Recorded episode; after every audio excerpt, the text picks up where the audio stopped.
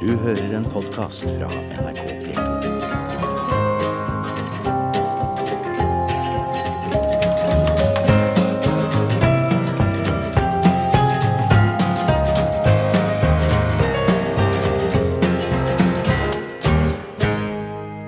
God sommer. Jeg heter Åsleik Engmark, og i dag er det jeg som skal lede dere gjennom sommer i P2. For meg er det alltid litt stas å få være på lufta i NRK. Det var i NRK TV Severin Suveren, som er meg, begynte sine skråsikre stavtak tidlig på 90-tallet. Det var her jeg fikk lov til å være med på satireprogrammet Egentlig i en årrekke, og ikke minst ha mitt eget smale lille humorprogram Læra at simma. Plutselig kjente folk meg igjen på gata. De, de nikket og smilte, samme hvor jeg befant meg i landet, for jeg hadde jo vært på TV i beste sendetid. Ingen visste at den egentlige jobben min den gangen da var å, være skuespiller på Det Norske Teatret. Fortsatt kommer det folk bort til meg på gata og sier ja, hva driver du med oppe i NRK for tida? Jeg følger med deg, veit du. Er det noe nytt på gang. Så sier jeg at eh, jeg har egentlig ikke jobba i NRK siden 1997, jeg. Da blir de ofte litt stille, og så begynner de å flakke med blikket, og så sier de ja, men, ja, men det er du som er maleren i Drammen? Ja, der er du lidderlig god, altså. Og når jeg da sier at nei, dessverre, det er ikke meg. Det er en annen som ligner litt på min stemme når jeg gjør meg til, men, men tusen takk likevel. Da blir folk liksom litt uh, triste. Ja, men uh, er, er, ikke du sånn komiker og artist, da? Jo da. Ja, men hva driver du med da?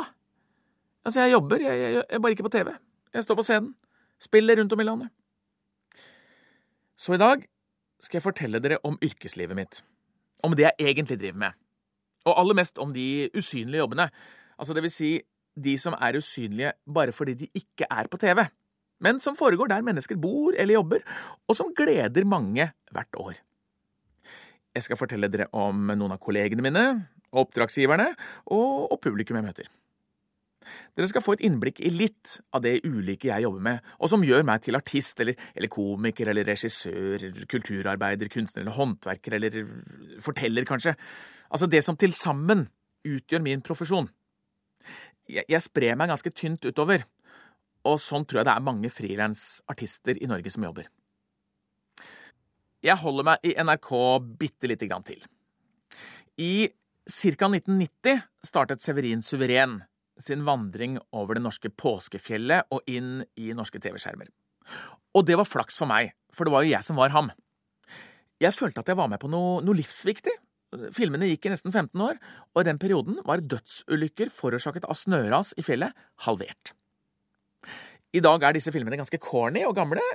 Skal det lages nye fjellvettreglerfilmer nå, så altså må de handle om frikjøring på ski og snøscooter og sånne ting, og ikke ha en hovedrollefigur som later som om han har bakglatte ski, og går rundt i noe som ser ut som en vest-tysk kondomdress fra OL i 1988. Det var en ganske selsom opplevelse å være med på selve filminnspillingen av disse fire filmene. Dette foregikk 1. mai-helgen, jeg, jeg tror det var i 1989. Jeg ble hentet av en ung filmassistent etter jobb på teatret og kjørt opp til Haukelifjell natt til søndag i en gammel militærbil. Bilen var full av filmutstyr og lakk kjølevæske fra motoren. På vei ut av Morgedal, en gang etter midnatt, stoppet bilen. Den ville ha påfyll. Vi hadde med egne vannkanner til dette, og vi hadde tømt en hel femliterskanne ned i radiatoren før vi skjønte at dette ikke var vann men tyntflytende olje til bruk i røykmaskinen dagen etter. Så nå sto vi der, midt i Telemark, i svarte natta, med en radiator full av olje. Ingen av oss kunne noe om motorer, det var ingen hus i nærheten og ingen biler på veien. Og jeg fikk følelsen av å være med i en film. Piknik med døden. Nå kommer snart lokalbefolkningen hoppende ut av buskene, begynner å spille banjo, og ja, for de som har sett Piknik med døden, så vet dere at det blir temmelig ubehagelig. Etter en halv time kom det en bil som stoppet. Det var en helt vanlig fyr, selvfølgelig, eh, med en overtrett unge uten banjo i baksetet. Fyren eh, krabbet resolutt under militærbilen vår, åpnet bunnproppen, tømte radiatoren for olje og fylte den med vann. Det hele tok eh, ja, fire minutter. Det viste seg at han drev et bilverksted noen mil nede i dalen, og han smilte godt da han ønsket oss god tur videre i natten. De neste to dagene spilte vi inn Fjellvettregelfilmene, som stort sett skulle ha dårlig vær. Sannheten er at denne 1. mai-helgen på Haukelifjell var skyfri og strålende. I mangel av røykemaskin og dårlig vær måtte vi bruke Forsvarets røykbomber i stedet. Å stå inne i røyken til Forsvarets røykbomber i to dager, det var, det var som å røyke 200 sigg på 48 timer. Og I tillegg skulle vi ha vind og snø. Vi hadde en kjempestor propell som sto ved siden av kameraet, som blåste rett inn i ansiktet mitt. Til snøføyk kastet da folk gammel snø og skareklumper inn fra baksiden av propellen, som knuste og ble skutt ut mot meg som bitte små isprosjektiler. Etter 20 minutter var ansiktet mitt gjennompilet, og jeg følte at beinpipene var i ferd med å stikke ut. Da gikk de over til å bruke små cellulose- eller papirbiter i stedet, og, og det fungerte ganske bra. Men Se litt nøye på filmene hvis dere får mulighet til å se dem igjen. I en av dem vil dere se at jeg spytter ut et snøfnugg. Eh, tenk litt på realismen i det. Nå, 25 år etter, har tilfeldigheten gjort det sånn at jeg eh, nettopp har hatt regi på fire filmer om sjøvettregler for Redningsselskapet. Eh, været var ikke noe problem denne gang, for dette var animasjonsfilmer. Så Severin Suveren er ikke med, men Kruse Knallkul, som har hovedrollen her, han er minst eh, like korttenkt. Og hvis disse filmene kan bevisstgjøre båtfolk bare litt mer Litt mindre bruk av alkohol i båten, litt lavere fart om natta og litt mer bruk av redningsvest. Så kan vi få det enda bedre på sjøen de neste somrene. Det er en del mennesker som tror at standup er noe som foregår på Latter i Oslo. Og det gjør det. Det foregår der også. Men eh, det er ikke der hovedarbeidsplassen til de fleste norske standup-komikere er. Det er eh, rundt omkring i landet, det. Mine største opplevelser som komiker har jeg når jeg er ute og, og reiser. Og jeg har spilt i nesten hele landet, i alt fra kulturhus til, eh, til nedlagte låver. Å komme til Karasjok en regntung høstkveld etter å ha kjørt eh, fra Alta snaue 20 mil over Finnmarksvidda for å spille for ja, 40-50 mennesker, et par fra Sametinget, noen lokale reineiere, eh, et par Nav-ansatte og noen romantiske tilflyttede søringer, altså det er temmelig eksotisk og rett og slett helt maks for meg. Jon Rørmark eh, er min aller nærmeste kollega. Han er musiker og komponist, og han har laget både scene- og, og filmmusikk for meg. I tillegg står vi sammen på scenen i en forestilling som er en, en blanding av standup og tullball med publikum og, og, og, improvisert konsert. Faktisk så er det aller mest en improvisert konsert, men, men det kan vi ikke skrive på plakaten, for da er, det, da er det ingen som tør å komme. Da tror de at det er mystisk. Så vi kaller det for standup, men når vi først har fått publikum inn i salen, da, da gjør vi hva vi vil med dem. For, for det er mystisk, og, og, det er kjempegøy når vi snakker med publikum og lager hele konserten på sparket. Altså, Hvis du syns dette høres vanskelig ut, hvis du drar på humorforestilling for å le av andre, men ikke vil la andre le litt av deg også, eh, så burde du droppe å komme på mine forestillinger. Her må alle bidra, og alle får sitt. Altså, vi er ikke slemme, men vi vil at alle skal være med å leke. For når du går fra en forestilling med Jon og meg, så skal du kjenne at du nettopp har sett noe helt unikt og levende. Noe som bare handlet om de som var i salen akkurat denne kvelden. En forestilling som aldri vil oppstå igjen. I fjor, for eksempel, spilte vi i, i lokalene til motorsykkelklubben i Austvatn i Nord-Odal. Altså, det bor, det bor kanskje 200 mennesker i selve Austvatn og vellet hadde arrangert forestilling og fest. Og det var over 100 mennesker, og helt stappa i motorsykkelklubben. Alt fra 18- til 80-åringer satt stua sammen på benkene og vagla opp langs veggene, og, og lokalet var dekorert med, med, med shoppergafler, eh, amerikanske delstatsflagg og, og oppskjønne suvenirer fra andre motorsykkelklubber. Bak bardisken sto damene i vellet og bare pumpa ut lapskaus og øl. Og når vi, da, alle sammen, laget denne forestillingen om Austvatn, eller Øssvatn, som de sier. Da, altså, da var trykket høyt og lykka stor i Nord-Odal. For meg er det dette som er å være komiker i Norge. For det er her ute, langt fra Oslo, at de aller fleste som virkelig vet å sette pris på levende underholdning, bor. Av og til så kommer det små barn bort til meg og sier Er det du som har stemmen til Knerten? Og da sier jeg ja, åssen veit du det, den lille snørrunge? Og da står det alltid en mor bak som sier sånn ja, det var jeg som fortalte ham det. Og det, mødre, det må dere ikke gjøre. Man skal ikke fortelle en treåring at det egentlig er en fremmed mann som har stemmen til Knerten. Det er som å fortelle at nissen er pappa, det. Men det er jo ikke alle barn som blir skuffet over å høre at jeg har stemmen heller. For av og til så kommer de med oppfølgingsspørsmålet hvordan, hvordan var det å være inni pinnen? Andre ganger igjen så kommer det menn i 30-åra bort til meg. Du er Timon i Løvenes konge! Du har den feteste stemmen jeg veit om! Altså, du, Jeg kan hele filmen uten at Si noe fra filmen, da! Gjør det! Gjør det! Og, og, ikke sant, jeg, jeg, jeg kan jo ikke si så mye fra den filmen. For den ble tatt opp i 1994, og jeg har sett den kanskje fem ganger siden. Mens disse gutta har jo sett den 150 ganger fra de var tolv år gamle. Så min største filmkarriere er altså som animasjonsdubber. Og, og, og primært for Disney og Pixar. Fra et kunstnerisk perspektiv er nok dette lavest ansette nivå innen norskspråklig film. Men jeg har fått lov til å være en liten del av noen av de aller største publikumssuksessene på kino de siste 20 årene. Jeg får, jeg får sjelden hovedrollene, men gjerne han derre lille komiske sidekarakteren med lys, insisterende stemme som spilles av en eller annen New York Jewish actor. Det er liksom Timon eller Mush eller Mike Wasowski eller, eller Buck i istid. Jeg har spilt én normal hovedrolle i animasjonsfilm, nemlig Woody i Toy Story. Men han er jo ikke akkurat noen sånn førsteelskertype. Han er litt sånn eh, Mickey Mouse fra 60-tallet. Altså smart, samvittighetsfull og totalt aseksuell. Det å dubbe amerikansk animasjonsfilm er, er ganske spesielt. Dette er stort sett veldig gode underholdningsprodukter. Samtidig så er den amerikanske underholdningsindustrien en evig flodbølge som bare hvelver innover oss, enten vi vil eller ikke. Og det dubbes ikke film i Norge primært for at norske barn skal forstå.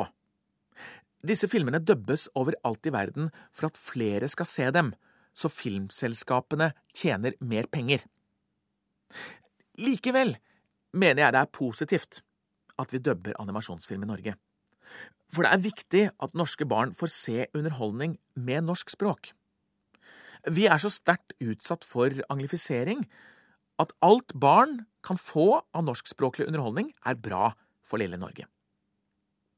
Men det å oversette film og dubbe på norsk er ikke det samme som å snakke norsk. De fleste har sikkert ergret seg en eller annen gang over en TV-serie med elendig oversettelse og actiontale. Hei, hva skjer? Uh-oh, ikke gå der!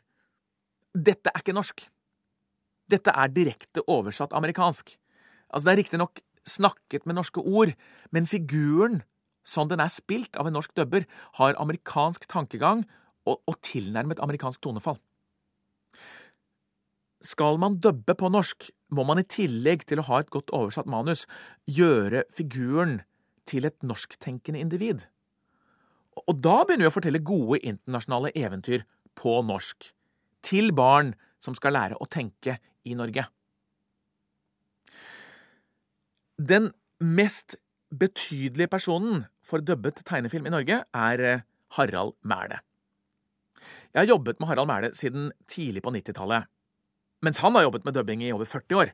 Han har oversatt og instruert en uendelig rekke med TV-serier og nærmere 200 spillefilmer, tror jeg. De filmene han har vært borti, har blitt sett av mer enn 30 millioner mennesker på norske kinoer. Jeg tør påstå at hver eneste husstand med barn i Norge har filmer i hylla som Harald har vært med å produsere. Altså, det er ingen annen filmarbeider i Norge som er i nærheten. Men det viktigste Harald har gjort, er at han alltid har kjempet for språket vårt. Hans kunnskap og ambisjon for godt norsk språk gjennom sine oversettelser og stemmeregi i en svært kommersiell verden har dannet skole for generasjoner av oversettere og døveskuespillere. Det er få, om noen, som har demmet sånn opp for anglifiseringen og utvanningen av språket til barn i Norge som Harald Mæle. Harald fylte nettopp 70 år, og her kommer da dagens anmodning. Det er snart på tide at noen norske språkprisutdelere ser i Haralds retning. Og hvis det er én person som fortjener en æres-Amanda for hard og viktig jobbing over mange år på lavest ansette nivå innen norskspråklig film, så er det Harald Mæhle. Du hører en podkast fra NRK P2. For enkelte artister eller skuespillere kan det å opptre for næringslivet oppleves synonymt med å selge sjela si. Jeg er usikker. Shakespeare gjorde for det meste bestillingsverk for folk med penger, han også. Jeg har jobbet masse for privat og offentlig sektor. Med alt fra å være seriøs møteleder til, til ren underholder. Og selv om disse folka ikke har kjøpt teaterbillett for å se meg denne dagen, bør man huske at de aller fleste nordmenn er høyst oppegående, utdannede mennesker med normalt utviklede sjelsevner. Man kan gjerne ha forakt for et og annet multinasjonalt selskap, men man skal ikke ha forakt for menneskene som jobber der. Det er naboen eller fetteren din, det. Jeg har drevet research, spesialskrevet underholdning og opptrådt for alle mulige profesjoner. Jeg har fått biokjemikere til å rulle på gulvet av latter av postdoc-problematikk. Forretningsadvokater har hylt av mine analyser på aksjelovens paragraf 12-2, og, og subsea-ingeniører har grått av glede når jeg har foredratt om dynamisk posisjonering over Kongsbergbrua midnatt. Det er sikkert flere av dere som ikke skjønte hva jeg snakket om nå, og det, og det er helt greit. For det er sånn spesialskrevet underholdning skal være. Det skal kun treffe den spesielle gruppen som sitter i salen. Midt i minste felles profesjonelle multiplum. Og jo mer utilgjengelig arbeidet deres er, jo bedre. Og jo morsommere blir det. For dem. Altså, jeg kan jo ikke bruke dette noe annet sted senere. I løpet av de siste 20 årene har jeg lært litt om veldig mye om arbeidet til bilselgere, sykepleiere, dataeksperter, petroleumsingeniører, finansanalytikere osv. osv. Og om jeg ikke kan bruke det jeg har skrevet alle disse årene til å underholde andre, så har jeg i hvert fall skaffet meg en enorm base til å fake kunnskap i konversasjoner. En sjelden gang når jeg skal underholde for et stort selskap og har møte med ledelsen i forkant, kan administrerende direktør komme til å presisere at det jeg skal framføre, bør speile de fem nye verdiene til selskapet for alle ansatte. Klargjøre selskapets strategi og mål for det neste halvåret, slik at jobben min synes på bunnlinjen til selskapet i fjerde kvartal. Og da sier jeg ja, det skal gå fint. Da koster dette innslaget 800 000 kroner pluss moms for da er det ikke lenger underholdning, men eh, konsulentvirksomhet. Da blir eh, sjefen stille. Som konsulent kunne jeg gjort det sjefen syns var best for selskapet, men som underholder gjør jeg det jeg syns er best for de som sitter i salen. Ingrid Bjørnov og jeg vi har kjent hverandre i mange år. Det var en periode vi, vi gjestet på hverandres firmajobber. Hvis en av oss skulle ha en litt tung jobb, så kunne vedkommende da ringe til den andre og spørre du har lyst til å hjelpe meg i kveld, eller jeg, jeg, jeg, jeg trenger litt moralsk støtte. Og så stilte vi opp for hverandre da på sparket, gratis. Og da ble det bonusunderholdning for oppdragsgiver. Norge er et lite land. Og det norske språk er enda mindre. Instrumentet mitt er det norske språket. Jeg kan godt være komiker på engelsk. Jeg er faktisk ganske god i engelsk, ja, altså. og, og, det fungerer veldig fint for internasjonale forsamlinger i Norge, der 10% er engelskmenn, 20 eh, er andre europeere, og resten er nordmenn. Da ler salen godt. Ja ja, utlendingene de ler fordi de syns det er sjenerøst at de også får ta del i underholdningen, mens nordmennene ler fordi de er litt stolte av at det er en nordmann som underholder på engelsk. Men jeg kan ikke improvisere noe sånn kjempegodt på engelsk. Jeg kan ikke uttrykke mine innerste følelser eller kaste ut det jeg har ytterst på tungespissen til enhver tid. Setningsoppbyggingen min er ofte feil, jeg må lete etter ord, og jeg snakker så sakte at folk med engelsk morsmål hele tiden vet hva jeg er i ferd med å si, og har forstått poenget tre sekunder før jeg kommer dit. Hvis jeg bare skal opptre i Sverige, må jeg oversette til svensk for at de skal skjønne meg.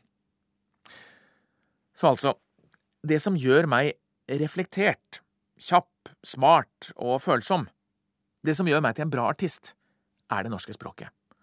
Og det kan jeg bare bruke i en svært begrenset del av verden. Dette gjør meg egentlig litt trist, for jeg skulle ønske at jeg kunne reist rundt i verden og fortalt mine historier på mitt beste. Og jeg har alltid vært litt misunnelig på, på musikere og dansere.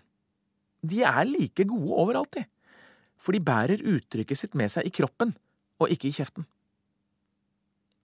Men én gang har jeg opplevd noe stort. Det var vinteren 2010 og filmfestival i Berlin. Filmen Knerten, som jeg hadde regi på, skulle ha festivalpremiere på Zoopalast. I salen satt 800 tyske barn og foreldre, samt noen internasjonale festivalgjengere. Filmen ble vist på norsk og tekstet på engelsk. I tillegg oversatte en tysk fortellerstemme hele filmen på direkten. Hun var helt utrolig. Dette hadde hun gjort på festivalen med nordiske barnefilmer de siste 25 årene. Og alle i salen fikk sitt. De tyskspråklige fikk følge historien på et språk de forsto, eh, noen andre fulgte tekstingen, eh, samtidig som alle hørte de norske replikkene og kjente på den opprinnelige følelsen bak dem. Og de lo på eksakt samme steder som i Norge. Barna lo der de skulle le, foreldrene lo av de samme voksenreferansene, publikum ble triste eller skremt på akkurat de samme stedene som et norsk publikum ble det. Og da jeg satt der i salen, så skjønte jeg at mine historier også kunne reise. Jeg trengte riktignok en film og en filmfestival og en dreven simultanoversetter, men altså, du verden, det var en veldig fin dag for meg på jobben. Jeg har aldri avtjent verneplikt i det norske forsvaret, men det tar jeg igjen litt nå. Forsvaret har fem profesjonelle musikkorps med til sammen ca.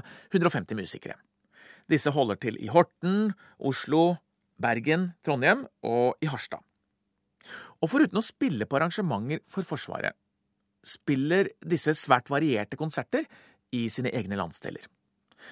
Mange av musikerne jobber også ved siden av som dirigenter eller instruktører for amatører. Dette betyr at Forsvaret, i tillegg til å opprettholde sin egen musikalske tradisjon, forvalter og stimulerer en stor del av norsk musikkultur, både profesjonelt og i bredden.